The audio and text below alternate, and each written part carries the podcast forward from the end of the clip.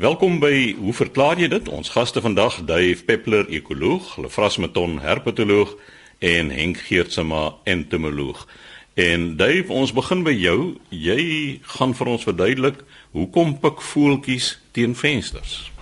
Chris en, en luisteraars, ek het 'n e-pos ontvang op my Facebookblad met navraag. Dit begin nou deur filtreer selfs na Facebook van Jackie Summers en sy vra die eenvoudige vraag: Hoekom pik voeltjies teen vensters? Ons weet hulle pik nie net teen vensters nie, enige blink ding in die ou dae toe daar nog wieldoppe was by 'n parkeerarea het voeltjies gewone koekies dan teen jou wieldop gepik.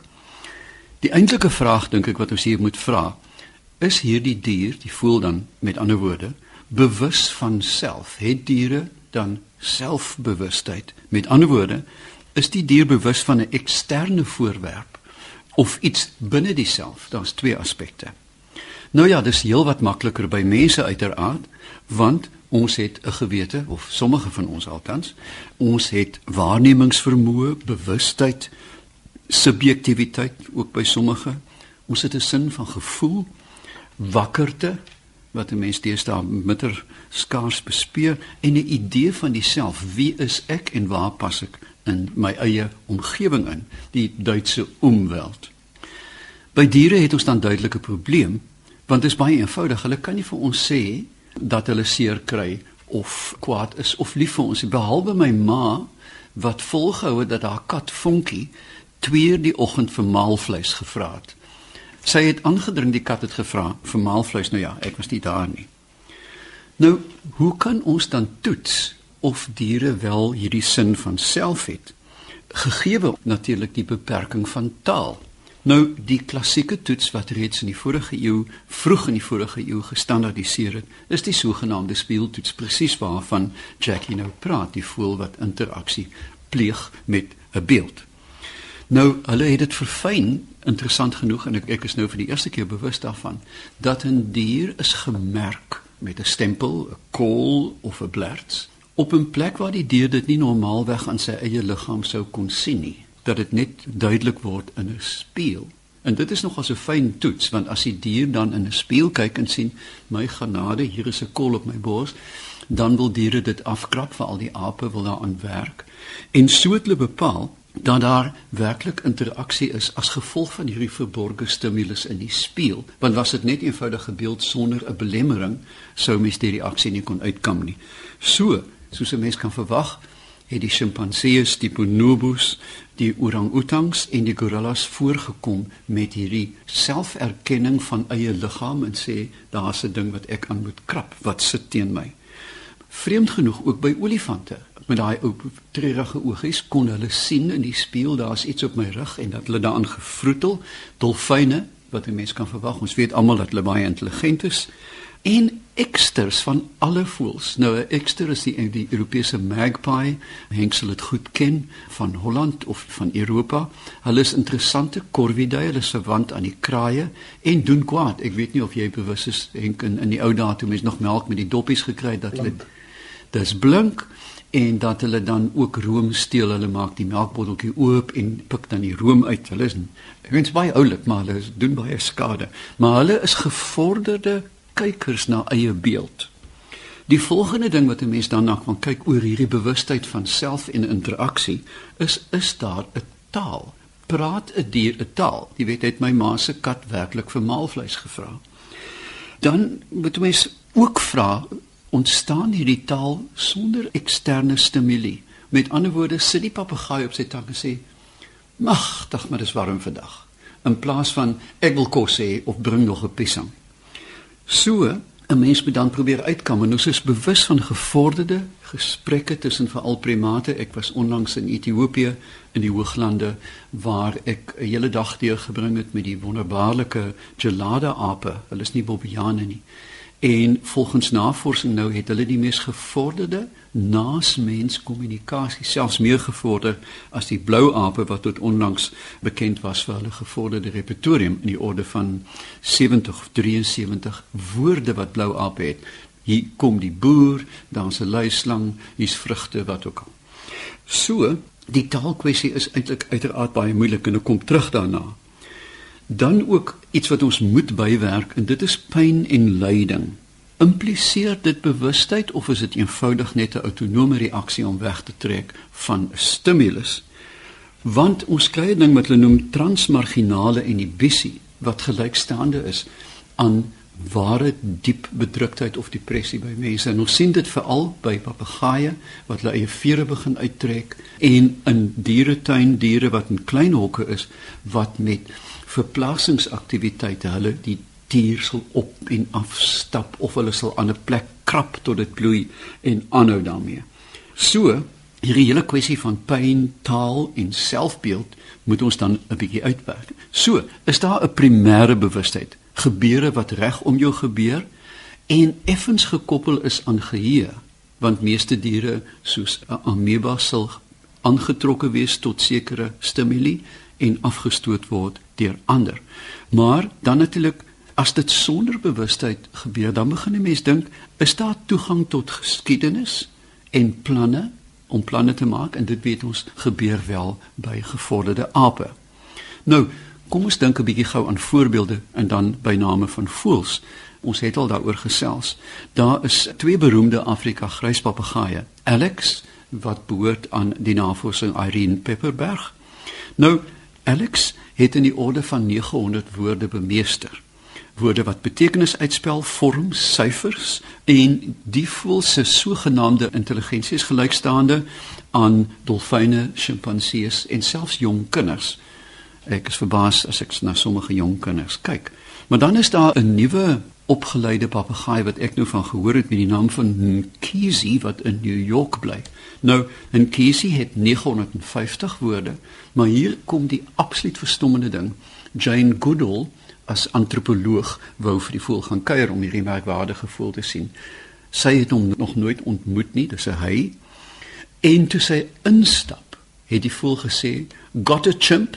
het jy 'n sjimpansee want hy het haar in 'n foto gesien met 'n sjimpansee. Nou dit is 'n merkwaardige sprong in intelligensie en bewustheid. Dit is gedokumenteer. Sy was nog nooit daar nie en toe sy instap, sê hierdie stomme papegaai, "Got a chimp?" Het jy jou chimp saamgebring? Bloot uit die inligting wat hy uit 'n foto uitgekry het en, en dit dink ek moet ons natuurlik ook laat herdink ons verhouding met diere en hoe ons hulle behandel. Ek is baie lief vir vleis, maar 'n mens moet ook 'n bietjie dink waar dit vandaan kom.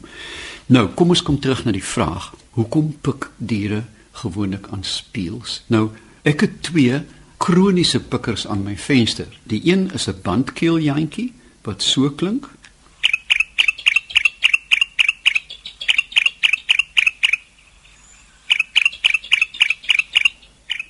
En dan natuurlik die suidelike waterfiskaal wat my vensters nerve afpik.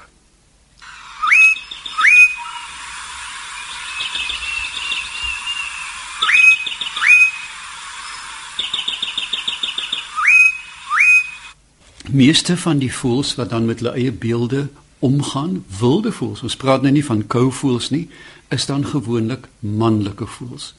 En dit het te maak met territorium uiteraard en ook veral in die broeiseisoen kan 'n mens byvoorbeeld met Henke die wonderlike woord hits vir die uh, koning rooibekkie byvoorbeeld as jy speel sit daar waar hy voer raak hy heeltemal besete So, dit is gewoonlik manlike voels gedrewe deur testosteroon wat dan territorialiteit afbaken en hulle kan dit nie verduur dat daar 'n ander mannetjie is nie. Maar dan het mens ook obsessionele gedrag en veral by kouvoels, mens weet hoe klein gewone budgies, hierdie piepklein papegaaitjies uit Australië wat heeldag liefdevol sit en koer en hulle koppies swaai, maar dit is nie territorialiteit nie, dit is sosiale interaksie met 'n beeld omdat hulle sosiale en groep voels is. So, ek hoop ek het 'n klein bietjie lig gewerp op die kompleksiteit van interaksie van diere met hulle eie beelde of met ander stimuli, maar ook ek wil dan afsluit met 'n klein anekdote wat ek al van tevore vertel het met 'n anekdote wat vir my uitspel, nou nie in voels nie, maar presies die kompleksiteit en die gevoel van self wat diere kan opdoen. Dit gaan oor 'n ou olifant wat afgetree het as sirkusdier. Ek het dit al vertel in Amerika en, en daar is toe gevra of Whipsnade dieretuin in Engeland die dier sal ontvang want Whipsnade het afgetrede diere, mankrematiek ou olifante. Hulle sê toe ja en hulle pak die olifant in 'n krat met 'n gunsteling pop en 'n bos piesangs en smy dit op 'n skip. Die skip kom middernag aan by Liverpool en die olifant word in die donkerte geneem na Hoopsnyd waar sy toe in 'n houhok buite die hoofhok aangehou word. Hulle bel toe my toesighouer by Cambridge professor Keith Eltringham en sê daar is absolute chaos die olifant is besig om die hok af te breek. En hy het gesê goed, maak die hek oop dat hulle mekaar maar uitsorteer. Die olifant uit Cincinnati het ingestorm reg in die groep in na 'n ander koei olifant gegaan en haar slurp oor die olifant se kop gegooi en daardie twee gestaan vir die volgende 3 dae. Dit het hulle weke en weke geneem om uit te sorteer dat hierdie susters was wat 30 jaar van tevore in Afrika geskei is. En na 30 jaar het geheue en reuk en al die sintuie ingeskop om hierdie diere weer bymekaar te bring. Nou, dit plaas natuurlik nou 'n groot etiese vraag op mense wat olifante skiet vir hulle plesier of vir trofee. As olifante dit kan doen, stel ek nie voor nie Henk dat kakelakke dieselfde kapasiteit vir geheue en deernis het nie, maar dat ons versigtig moet omgaan met diere. Goed, dit dan wat betref die pik van voeltjies teen vensters. Hoe verklaar jy dit as die program en Lefras Meton ons herpetoloog? Jy gesels vandag oor akedisse en slange. Dit klink na 'n wye gesprek. Ons het 'n foto gekry van Susan Kleinhans van Bultfontein. Nou ek het moes op die kaart gaan kyk waar is Bultfontein. Ek het toe agtergekom is in die Vrystaat. En sy sê dit is 'n foto van 'n akedus. Sy sê hierdie akedussie het hom haar tuis gemaak op 'n stoel in die sonnige sitkamer. Hy sê het selfs 'n naam en 'n van gekry. Sy sê nou nie wat die naam en die van is nie. En dan my vraag is, Wat is die verskil tussen 'n skink, 'n akedus en 'n geitjie? En waarvan oorleef hy veral in die winter? Dis nou waarskynlik nou die akedus wat daar by haar voorkom. Sy het nou nog 'n ander vraag hier oor kankerselle, maar Davey is mos slim. Een ek kan dit vir jou gee, dan kan jy by 'n volgende geleentheid oor kankerselle gesels. Net eerstens die akedusie op die foto, dit is 'n gevlekte skink, soms ook genoem die gestreepte skink. 'n groot verspreidingsgebied daar van die Vrystaat af noordwaarts tot so in die suide van Botswana. En soos baie van die skinke, baie lief om ook by huise en tuine te bly. Eindelik boomlewend ook in rotse, maar ja, so hulle kan ook teen die huise se mure rondhardloop. Akedisse is natuurlik ektoterme, so gedurende die winter as dit te koud is of lang tye van koue dan gaan hulle nie aktief wees nie, maar daar's maar altyd elke dan en wan 'n lekker sonskyndag en dan sal hulle aktief wees. Hulle soek aktief vir kos. Met ander woorde, hulle sit nie op een plek nie. As die temperatuur reg is, sal hulle rondloop en kos kry, maar akedisse is bekend daarvoor dat hulle gedurende die warm seisoen eet hulle genoeg en hulle stoor genoeg vet in hulle vetliggame om hulle deur die tye waar daar nou kos skaarste is te help. Nou om nou terug te kom na wat is 'n akedus en wat is 'n skink en wat is 'n geitjie, moet mense so 'n bietjie verder teruggaan en kyk na die groep waartoe slange en akedisse behoort. Dit is die Squamata en hierdie groep was vroeër opgedeel in twee groepe, die Lacertilia dit is die akedisse en dan die serpentes, dit is die slange wat ook soms ophidia genoem.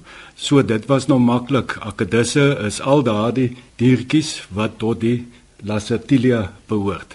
Maar ongelukkig nou met molekulêre studies het hulle gevind dat die slange is eintlik daar tussen die akedisse ingebed. Met ander woorde, van die akedisse is nader verwant aan slange as wat hulle aan ander akedisse is. So nou het ons 'n probleem want 'n slang is nou eintlik ook 'n akedus. So dit is dan nou eintlik hoe mense dan nou maar na hulle moet verwys as mens praat van akedusse, dan verwys jy na die groter groep waartoe slange ook behoort. En ons doen dit eintlik algemeen want ons behoort nou tot die primates, ons die ape en insluitende die mens, maar ons is ook soogdiere. En voëls, voëls is dinosourusse. So So kan ons sê slange is akedisse. Ek hoop ek maak dit nou mooi duidelik. So dit is dis nou bietjie ander siening oor akedis is 'n breë term wat dan ook nou slange insluit. Nou as mens nou slange insluit, dan praat ons so van oor die 8000 spesies en hulle word dan opgedeel in kleiner groepe. Ons gewoonlik praat ons dan nou families. Ons sal nou slange ook as 'n familie moet beskryf wat dan nou verder onderverdeel is in subfamilies en elkeen van hierdie families het dan nou baie kenmerkende morfologie en vir die man in die straat is dit eintlik maklik om die verskillende families te identifiseer. Ons het geitjies, om waar te sê daar's twee families van geitjies, maar ons almal ken geitjies, hulle is hoofsaaklik naglewende, die groot ronde oë en baie van hulle kan dan teen die muur op hardloop omdat hulle suig kussentjies het. So is daar dan skinke, 'n lelike naam, dit kom van die naam Skinkiday af. Nou so skinks in Engels skinke. Ek dink ons kan hom seker beter doen as dit.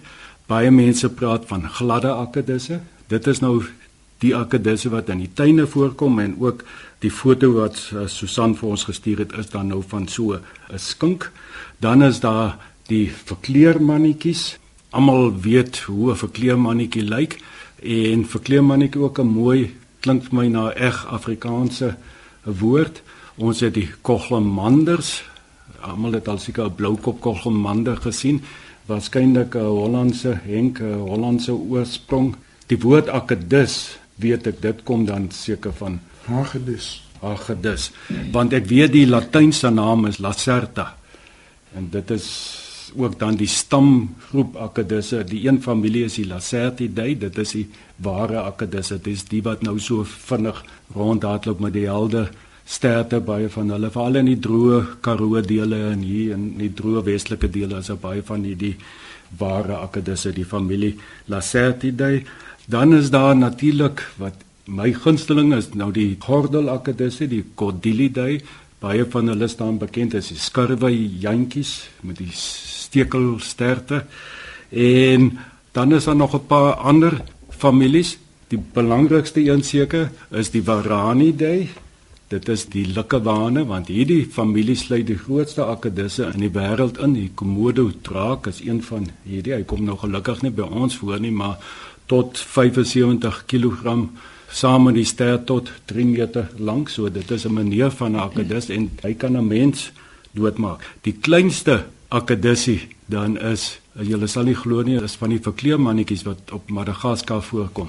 Piep klein tot 16 mm en jy kan maar gaan kyk, dit is nou van die punt van die snoet tot by die kloaka uitgesluit nou die stert 16 mm 'n volwasse verkleermannetjie. En dan is daar ook van die geitjies wat baie baie klein is, ook omtrent hier by 15 16 mm lank. So net om dan op te som, akedisse of al hierdie goed wat Susanne opgenoem het is almal akedisse, geitjies is akedisse, maar ons kan dan ook nou van slange praat as akedisse. Is net 'n spesiale groep akedisse.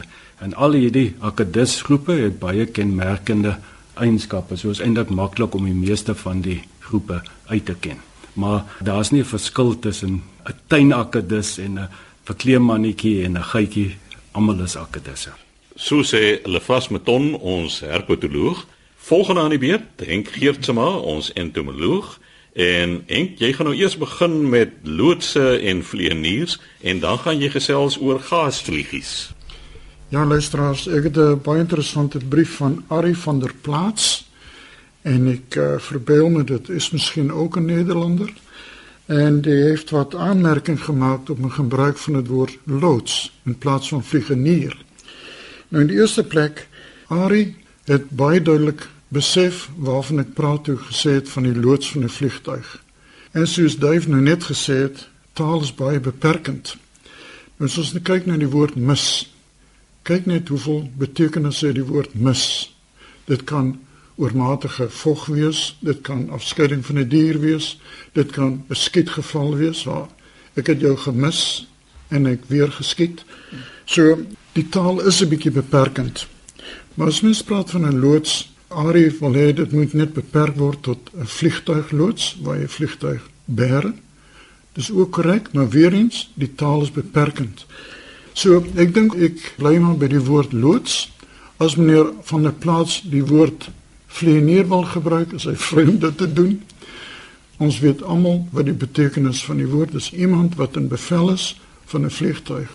So meneer van der Plaas, ek heb geen probleem met die gebruik van taal, maar ek probeer altyd die taal so suiwer as moontlik te hou.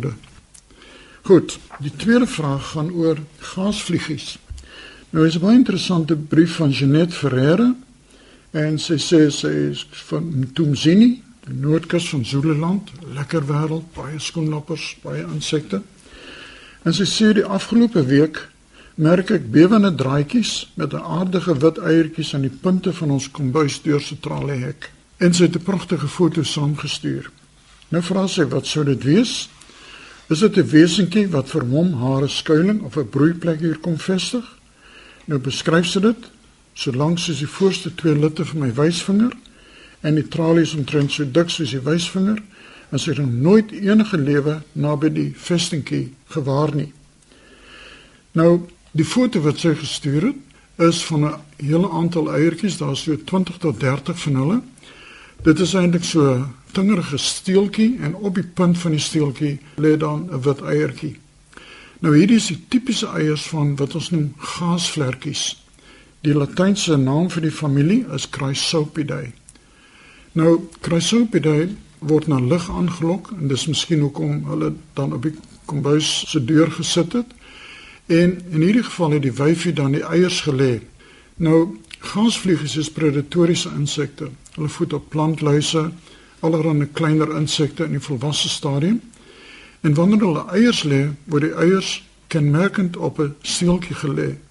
Nou is dit baie interessant om te sien hoe die eier gelê word. Die wyfie tik op die oppervlakte en dan uit haar agterlyf kom na 'n druppeltjie gom. Dan swaai sy die agterlyfie omhoog, met ander woorde in 'n soort van 'n boog en dan trek hy die gom as 'n snel droënde draad word dit droog en dan as sy die maksimum boog bereik het, dan word die eiertjie bo op die draadjie vasgelê. Sy herhaal die proses by ander plek en dis die dat die eiers dan in groepies gelê word van so 10 tot 20. Nou mense wil vra nou hoekom word die eiers op so 'n moeilike manier gelê? Die kleintjies wat uit die eiers uitkom is ook predatories en is ontsettend aggressief. Nou as jy die bondel eiers in een groep gelê word en hulle broei dieselfde tyd uit, dan gaan boetie en sussie mekaar opvreet. Die teorie is en dit bly 'n teorie is dat die eiers word geskei en die eiers gaan op verskillende tye uitbroei. Met ander woorde, uit die eier broei dan die nimfie of die larwe. Die larwe kruip by die steeltjie af en begin soek na prooi. Die kans is dat hy dan sy boetie of sussie gaan raakloop, is eintlik baie minder. So dit is 'n soort van 'n oorlewingsmeganisme. Maar daar is sekere soorte waar die eiers op een enkele steel gelê word in 'n groepie So die teorie is nie heeltemal korrek nie, behalwe as die eiers wat in 'n groepie gelê word op die steeltjie op verskillende tye uitbroei. Hierdie larwetjies dan begin rondloop en hulle is baie vir plantluise byvoorbeeld en baie kere sal jy sien 'n plant wat goed toegetakel word deur plantluise loop daar 'n insek rond met 'n klomp dooie plantluisvelletjies op sy rug. Dit is die larwe van hierdie gaasvliegies. Wel, dit ook baie interessante kake. Die kake bestaan uit twee krom stilette kan mens amper sê wat hulle dan inslaan in 'n plantluis se prooi. Dan het die kake het aan die binnekant 'n groefie. Die spysverteringssappe vloei dan deur die groefie in die plantluisie in. Met ander woorde, ons het hier praat ons dan van buite darm vertering. So die verteringssappe vervloei dan die inhoud van die plantluis en dan word dit weer teruggesuig. Nou 'n baie goeie verwant van hierdie gasvliegers is natuurlik ons melios wat ons almal ken.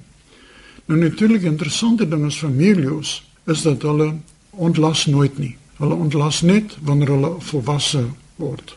Dis natuurlik 'n groot verligting vir hulle in daai stadium. Maar dit is omdat Die klaarverteerde voedsel wat hulle inneem, het geen afvalprodukte nie. So daar's minimale ontlasting wat daar is in elk geval. Terug te kom na die gasvliegie. Omdat die gasvliegie homself kamoufleer, suig hy die plantluis uit, suig die plantluis droog, dan word die plantluis oor sy rug vasgeplak en dit dien dan as 'n soort van 'n omhulsel of beskermingslaag sodat hy lyk soos 'n klomp plantluise, maar is eintlik dooie plantluis lykies wat hy op sy rug ronddra. So baie interessante insekte, baie belangrik in die landbou omdat hulle myte sal aanval en vreet plantluise en ander klein diertjies. Baie dankie vir 'n interessante foto en ek hoop die inligting was tot nut. En so sê Henk Geertema, ons entomoloog, daarmee het die tyd ons ook ingehaal. Skryf gerus aan ons by hoe verklaar jy dit? Posbus 2551 Kaapstad 8000 of stuur 'n e-pos aan chris@rsg.co.za.